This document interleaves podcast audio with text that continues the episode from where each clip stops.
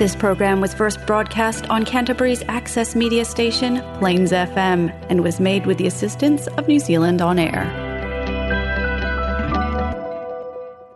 Namaste Nepal. Namaste Nepal.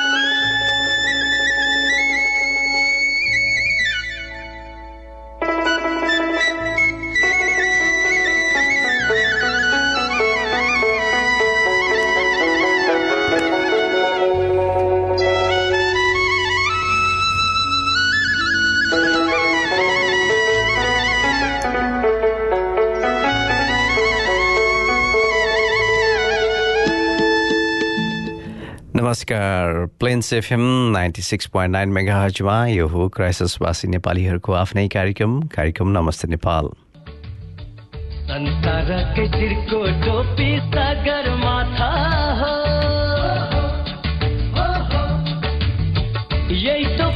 तेरो फेरो गाथा हो।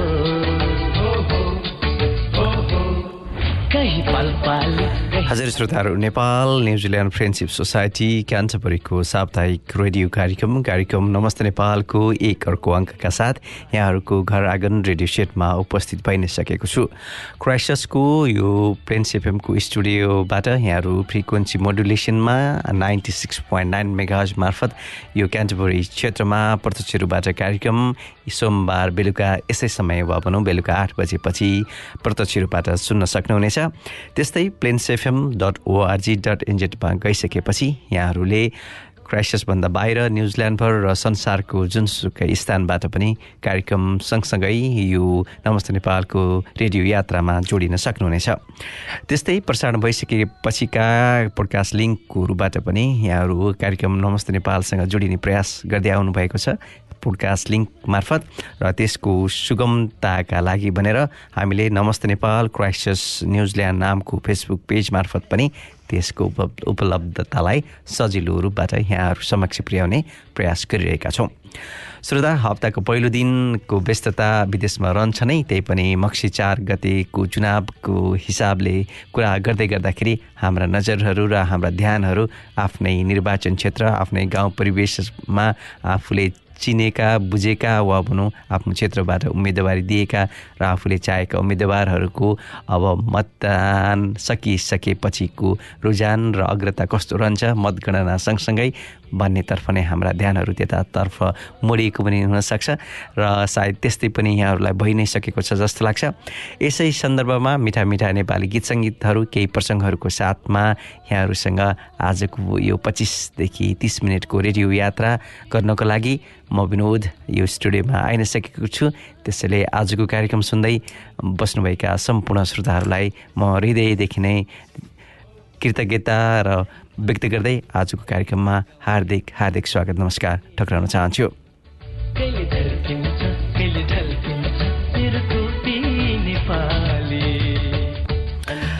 हजुर श्रोताहरू चुनावको कुराहरूबाट त चुनावको कुरा सँगसँगै उठि नै सकेको छ। हाम्रा हाम्रा चिन्ताहरू चासोहरू छन् आफ्ना अपेक्षाहरू पनि छन्। तनौ भानु नगरपालिका पाँच सेपा बगैँचा स्थित महादेवता प्रावि मतदान केन्द्रबाट एक सय तेह्र वर्षीय गोपीमाया पोखरेलले मतदान गरेकी छन्।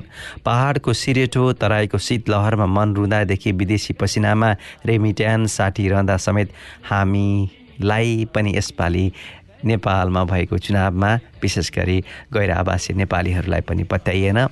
यसरी विदेशमा बस्ने झन्डै चालिस लाख नेपाली पासपोर्ट लिने तपाईँ हामीहरू यसपालि पनि संविधानले नै प्रदत्त गरेको अधिकारबाट वञ्चित भएका छौँ। राजनीतिक दलका शाखा सङ्गठनहरू खोलेर बस्ने र त्यसको नेतृत्व लिनेहरूको सङ्ख्या विदेशी भूमिमा बढ्दै गर्दाखेरि पनि हामी मतदान गर्ने यस अधिकारबाट भने वञ्चित हुनु परेको छ। श्रोता जुनसुकै दल सत्तामा पुगे पनि आफ्नो र आसेपासेको मात्र हित हेरेको जनताको जीवन उज्यालो बनाउन कुनै कदम नचालेको र यो निर्वाचनमा विश्वास लाग्दा र दिल छुने मुद्दाहरू पनि अघि नसारेका कारण नागरिकहरू अर्कोतर्फ मतदानप्रति विगतको तुलनामा विकसित भएको हो भन्ने कुरा पनि बुझ्न मुस्किल छैन। संविधान जारी भएपछि दोस्रो आम निर्वाचनमा एक करोड उना असी लाख अठहत्तर अस अठासी हजार पाँच सय सत्तरी मतदातामध्ये करिब एक एक एकसट्ठी प्रतिशतले मात्र यसपालि मतदानमा भाग लिएको निर्वाचन आयोगले जनाएको छ। श्रोता यसरी निर्वाचनको सन्ध्यामा विभिन्न किसिमका छुटपुटका घटनाहरू पनि भएका छन् भने आफ्नो भविष्य देशमा नदेखेर नदेख्ने अवस्था अप्ठ्यारो अवस्थामा जीवन जीवन जीवकोपार्जन गर्न पर्ने अवस्था आइसकेपछि अन्तर्राष्ट्रिय क्षेत्रमा आफ्नो श्रमिकको रूपबाट पनि राजधानीमा रहेको विमानस्थल छोडेर विदेशीहरूको सङ्ख्या पनि उत्तिकै रह्यो। विदेशी कामदारको रूपबाट र विद्यार्थीहरूको रूपबाट सङ् जानेहरूको सङ्ख्या पनि निर्वाचन केही दिनमा पनि नरोकिँदा निर्वाचनले केही सकारात्मक परिणामहरू ल्याउनु पर्दछ भन्ने त अब झन् तड्काहरू रूपबाट महसुस गरिएको नै छ। श्रोता अब यसैबीच प्रतिनिधि सभाको सदस्य निर्वाचनमा का काङ्ग्रेसको विजय सुरुवात भएको छ। हिमाल पारीको पर्यटकीय जिल्ला मुस्ताङबाट काङ्ग्रेसले खाता खोलेको छ। मुस्ताङका काङ्ग्रेसका उन्तिस वर्षीय योगेश गौचन प्रतिनिधि सभा सदस्यमा निर्वाचित भएका छन्। श्रोता यी यस्तै खबरहरू छन्। कति खबरहरूसँग यहाँहरू रुबरु भइ नै सक्नु भएको छ। यद्यपि अन्य यस्तै अन्य प्रसङ्गहरूका साथसाथ अब मिठा मिठा गीत सङ्गीतहरूको सहित आजको कार्यक्रममा मैले यी उठानहरू गरि नै सकेको छु। बाँकी रहेका प्रसङ्गहरू एउटा मिठो गीतपछि यहाँहरूलाई त्यो क्रम जोड्नेछु अहिले नै भने अहिले अलिकति चलिरहेको यो मिठो गीत अब यहाँहरूको लागि प्रस्तुत गर्दैछु। जालो मायाले गाजालो लाउँदा त झन् झनै राम्री पो देख्यो नि हौ। लाजालु भाकाले त्यो तिम्रो आँखाले हुरुक्कै भयो यो ज्यान झन् बोलाउँदा तिमीले इसाराले। हुँ, झन् बोलाउँदा तिमीले इसाराले।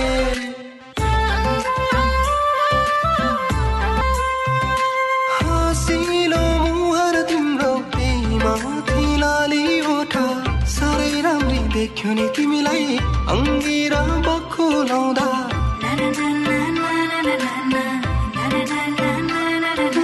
हँसिलो मुहार तिम्रो माथि लाली ओठा साह्रै राम्री देख्यो नि तिमीलाई। अङ्गिर बक्खु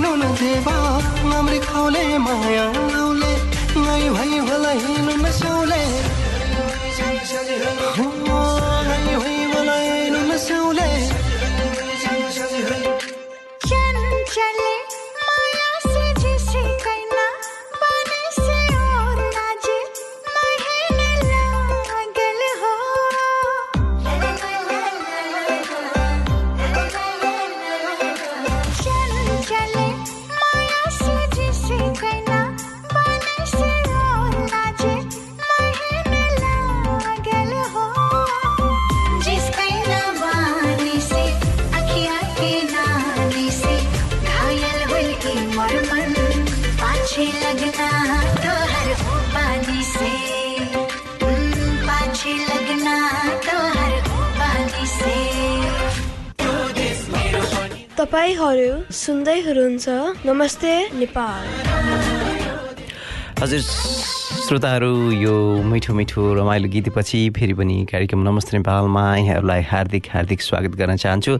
श्रोता अब चुनावले चुनावसँग जोडिएका प्रसङ्गबाट त आजको कार्यक्रम सुरुवात गरि नै सकेको छु। अब यहाँहरूलाई थाहा भइ नै सकेको छ चुनाव पनि हामी आर्थिक अप्ठ्यारोको बिचमा पनि चुनाव गरिरहेका छौँ र यसै बिच यसले हाम्रो अर्थतन्त्रलाई पार्ने असरको विषयमा पनि हामी जानकार त छौँ नै।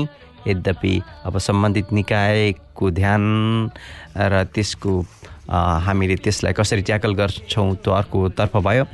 श्रोता अहिले विदेश अध्ययन र भ्रमणमा ठुलो रकम बाहिरिँदा मुलुकको विदेशी मुद्रा सञ्चितमा अपेक्षाकृत सुधार हुन सकिरहेको छ भन्ने त अब बुझिँदै गएको कुरा हो। उच्च दरले घटिरहेको विदेशी मुद्रा सञ्चित नियन्त्रण गर्न ऋणात्मक रहेको सुधान्तर सुधान्तर स्थिति सुधार्न सरकारले केही केही वस्तु के भनौँ तेह्र सयभन्दा बढी वस्तुको आयातमा रोकाएर त्यसलाई अलिकति अलिकति कडाइ पनि गरेको छ।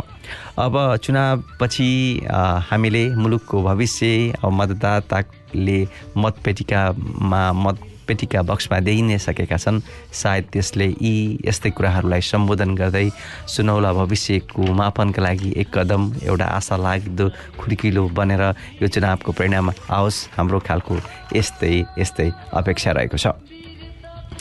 श्रोता अब हामी न्युजिल्यान्डमै अब विशेष गरी चुनावको परिवेश त एकातर्फ छ भने अब अझै पनि कोभिडको सङ्क्रमणको अप्ठ्यारो अवस्था पनि हामीतर्फ छ नै।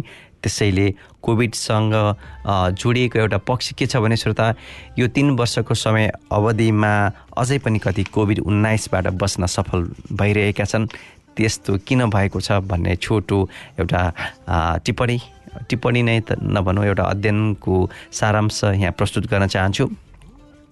श्रोता तथ्यको बावजुद न्युजिल्यान्डको दैनिक कोभिड उन्नाइस हुनेहरूको सङ्ख्या यस हप्ता चार हजार अङ्कभन्दा बढी पुगेको छ। भाइरसको नयाँ भेरिएन्टले नयाँ र पुनः सङ्क्रमण हुनेको सङ्ख्या पनि बढ्दै गएको देखाएको छ। तर श्रोता प्रश्न यो छ कि यति लामो समयसम्म अब भनौँ तिन वर्षभन्दा बढी हुँदा पनि अझै पनि कति व्यक्तिहरू कोभिड उन्नाइसबाट बस्न सफल भइरहेका छन् तर त्यो किन भइरहेको छ त? हुन त सकारात्मक नै कुरा हो तर त्यसको पनि खोज अनुसन्धान क्रम सुरुवात भएको छ।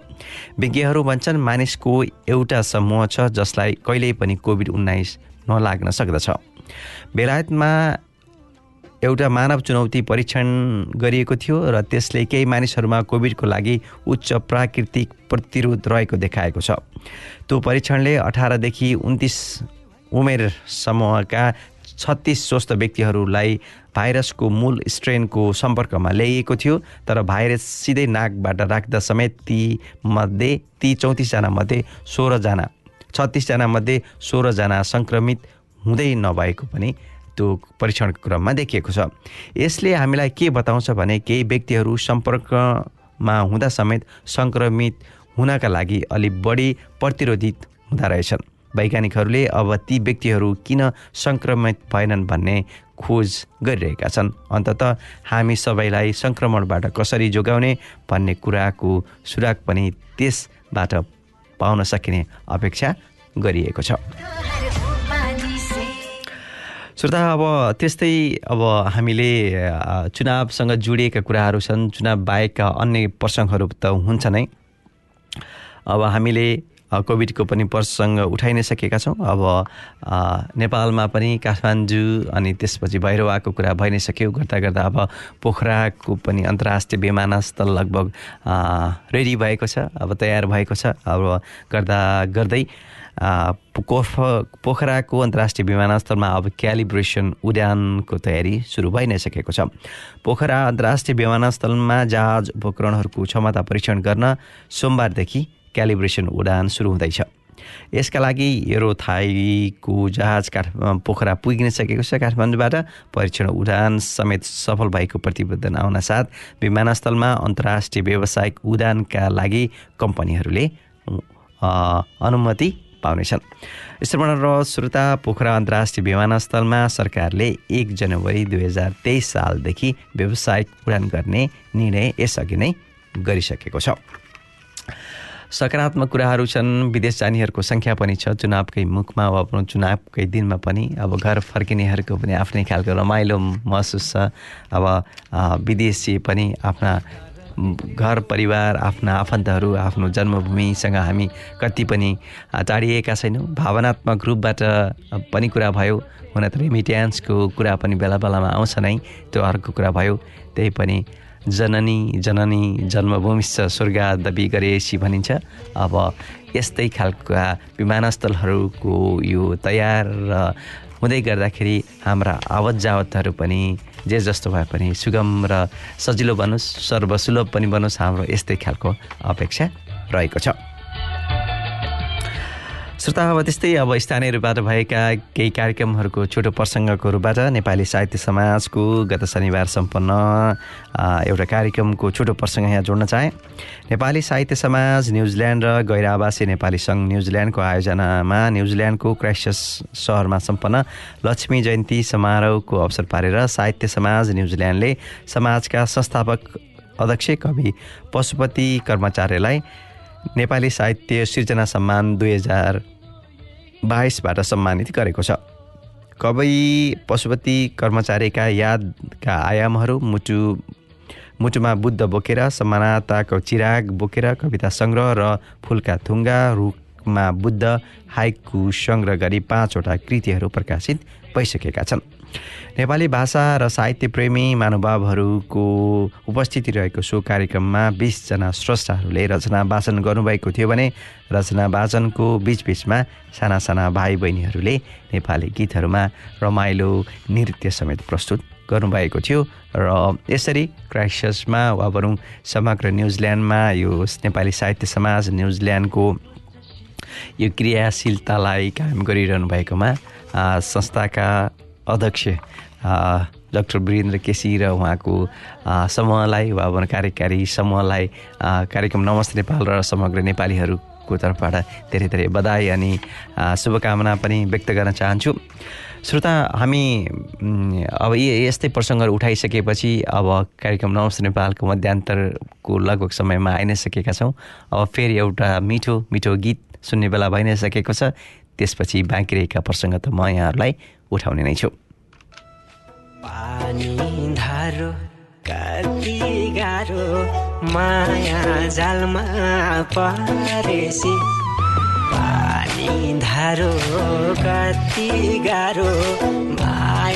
जालमा परेसी। माइली जिउ माइली जिउको सिरैमा सिर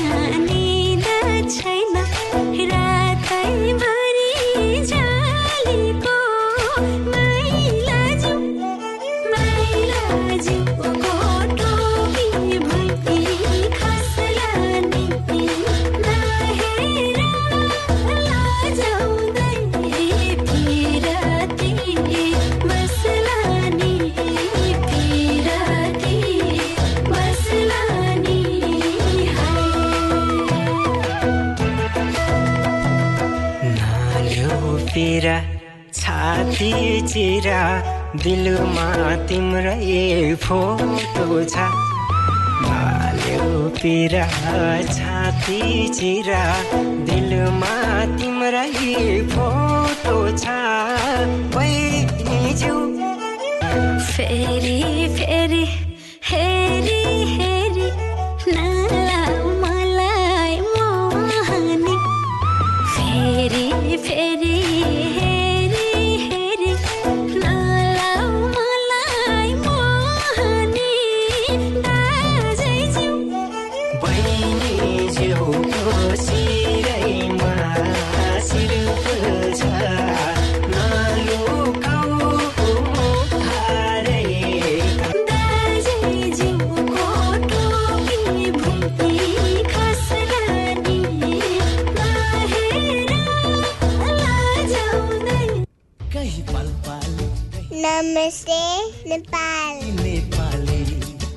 हजुर श्रोताहरू बेलुका आठ बजीदेखि कार्यक्रम नमस्ते नेपालको यो यात्रामा यहाँहरू हुनुहुन्छ अनि मिठा मिठा नेपाली गीत सङ्गीतहरू अनि विविध प्रसङ्गहरूको साथमा म यहाँहरूसँग अन्तरङ्ग कुराकानी अनि यो प्रसङ्ग जानकारीहरूसँग साथ दिने प्रयास गरिरहेको छु। यहाँहरूसँग यो रेडियो यात्रामा म छु विनोद।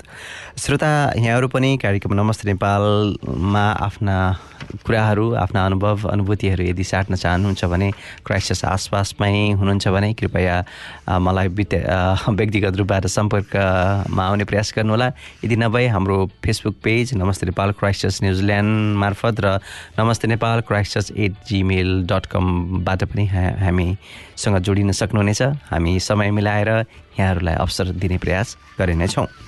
श्रोता त्यस्तै Nepal New Zealand friendship society क्यान्चबरीले हरेक आइतबार बिहान नौ बजेदेखि एघार बजेसम्म भाइ बहिनीहरूका लागि नेपाली भाषाको कक्षा गरिरहेको छ। त्यस्तै ब्याडमिन्टनको दसदेखि बाह्र तिसको समयमा पनि अभ्यास भइ नै रहेको छ। आइतबारका यी कार्यक्रमहरू सँगसँगै नेपाल न्युजिल्यान्ड फ्रेन्डसिप सोसाइटीले महिनाको दोस्रो बुधबार जुम्बा क्लासको पनि निरन्तरता निरन्तर रूपबाट सञ्चालन गरिरहेको छ। अहिले पछिल्लो समयमा र यसको परिवर्तित समय र तालिकाका लागि भने यहाँहरूले सोसाइटीको फेसबुक पेज अथवा यो एक्टिभिटिज भाइबर ग्रुपमा पनि त्यहाँ जोडिन सक्नुहुनेछ। श्रोता यो पछि भने म बाँकी रहेका प्रसङ्गहरूलाई उठान गर्न चाहन्छु। अब हामीले यता क्राइस्टचर्चमा भएको साहित्य समाजको एउटा कार्यक्रमको विषय पनि उठान गरिसकेपछि उता अस्ट्रेलियातर्फ गैर आवासीय नेपाली सङ्घले हरेक दुई वर्षमा आयोजना गर्ने नेपालको प्रवर्धनात्मक नेपाल फेस्टिभल गत शनिबार सम्पन्न गरेको छ।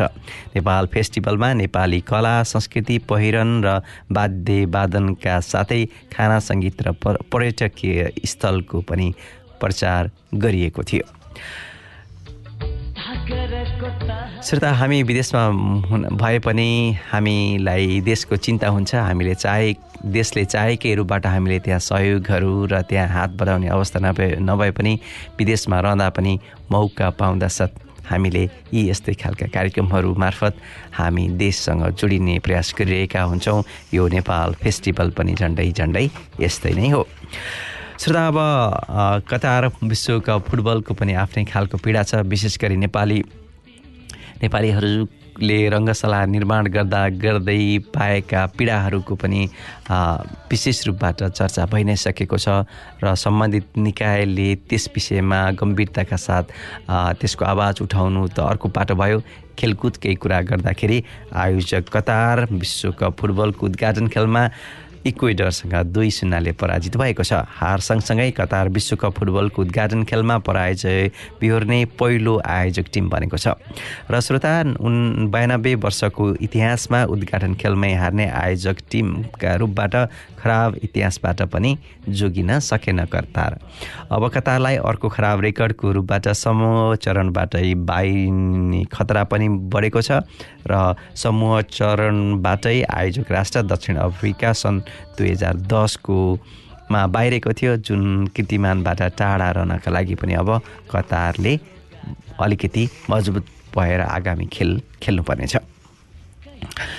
श्रोता त्यस्तै अब पृथ्वीको जनसङ्ख्या आठ खर्ब पुगिसकेको छ। अब नोभेम्बर पन्ध्रमा पृथ्वीको जनसङ्ख्या आठ खर्ब पुगेको हो तर अहिले जनसङ्ख्या बढेर पृथ्वीले थामी नसक्नुहुने र घटेर धराशायी हुने दुवै खालका धारणाहरू यथा यथार्थपरक छैनन् भन्ने आवाज उठि नै सकेको छ। श्रोता यसलाई एक थरीले मानिसले खतराको घन्टी मानेका छन् भने जनसङ्ख्या वृद्धिलाई केहीले लामो समयदेखि आम भोकमरीसँग जोड्ने गरेका छन्। पृथ्वीको जनसङ्ख्या बढी भएको भन्दै अब उनीहरूले आफ्नो भविष्यवाणीमा वातावरणीय विपत्ति जोडिनेछन् तर अर्का खाले व्यक्तिहरू भने ठिक उल्टो कुरा गर्दैछन्। यसैले पृथ्वीले थेक्न सक्छ। आठ अर्ब जनसङ्ख्या र यो आठ अर्बको जनसङ्ख्यापछि के खालका प्रतिकूलताहरू आउँछन् वा भनौँ अनुकूलताका अवसरहरू त कमै आउलान् यस्तै खालका तर्क वितर्कहरू सुरु भइ नै सकेका छन्। श्रोता अब यो पछि भने म आजको कार्यक्रमको अन्तिम चरणमा आउँदै गर्दाखेरि मक्सिर छ गते मङ्गलबार परेको हिन्दू धर्म मान्नेहरूले आफ्ना दिवंगत पुर्खाहरूको मुक्तिका लागि सतबीज छर्ने गर्दछन्। वा भनौँ सतबीज छर्ने पर्वको कुरा भयो। कुनै पनि दुर्घटना वा अकालमा मृत्यु भएका स्वर्ग वा नर्कमा तर्नका लागि सहज होस् भनेर सतबीज छर्ने गरिएको विश्वास रहेको छ। सत बीजमा सात प्रकारको अन्नको प्रयोग गरिन्छ। धान गहुँ मास मुङ्गी कागुन र सामाको बिउ मात्र होइन कुनै कुनै ठाउँमा कागती निबुवा सुन्तला स्याउ उङ्कु अम्बा केरासहित तिल चना मकै पनि सतबीजमा प्रयोग गर्ने गरिन्छ। मक्सिर कृष्ण त्रयोदशीको दिन पितृहरूको सम्झनामा दीप प्रज्वलन गरेर रातभर जागा बस्ने र बिहान सतबीज छर्ने चलन रहेको छ। जुन मङ्सिर छ गते मङ्गलबार परेको छ। भने अब अर्को साता निर्वाचन आयोगले त आठ दिनभित्रमा देशको अब भनौँ मक्सिर चारको यो निर्वाचनको परिणाम परिणाम घोषणा गर्ने बताइ नै सकेको छ। आउँदो साताको कार्यक्रममा सायद अब हाम्रो देशको राजनीति कता कतातर्फ जान्छ र सरकार कसरी बन्नेछ र कस्ता खालका कार्यक्रमहरूको घोषणा हुनेछ त्यो भने उत्साहका साथ अर्को कार्यक्रममा समावेश गर्ने नै छु। अब भने आजको कार्यक्रमबाट लगभग अब म बिट मार्नै लाग्दाखेरि अब यहाँहरूसँग यस्तै खालका केही सल्लाह सुझावहरू छन् भने कृपया हामीलाई सम्पर्क राखेर आफ्ना कुराहरू व्यक्त गर्न सक्नुहुनेछ। श्रोता जाँदा जाँदै बिस्तारै चल ए जिन्दगी बिस्तारै चल ए जिन्दगी अझै केही ऋण तिर्नु बाँकी छ। कोही केही पीडा मेट्नु बाँकी छ केही कर्तव्य पुरा गर्न बाँकी छ। हतारमा त चल्नाले कोही रिसाए कोही छोडेर गए रिसाएकालाई फकाउनु अझै बाँकी छ रोएकालाई हँसाउन अझै अझै बाँकी छ। हतारमा त चल्नाले हतारमा चल्नाले कोही रिसाए कोही छोडेर गए रिसाएकालाई फकाउनु अझै बाँकी छ रोएकालाई हँसाउनु अझै बाँकी छ। केही सम्बन्ध बनेर टुट्यो केही जोडिँदा जोडिँदै छुट्यो ती छुटेको टुटेको सम्बन्धको घाउलाई अझै मेटाउन बाँकी छ। बिस्तारै चल ए जिन्दगी अझै केही ऋण तिर्नु बाँकी छ अझै त्यही ऋण बाँड्नु बाँकी छ। हस्त श्रोता नमस्कार शुभरात्रि।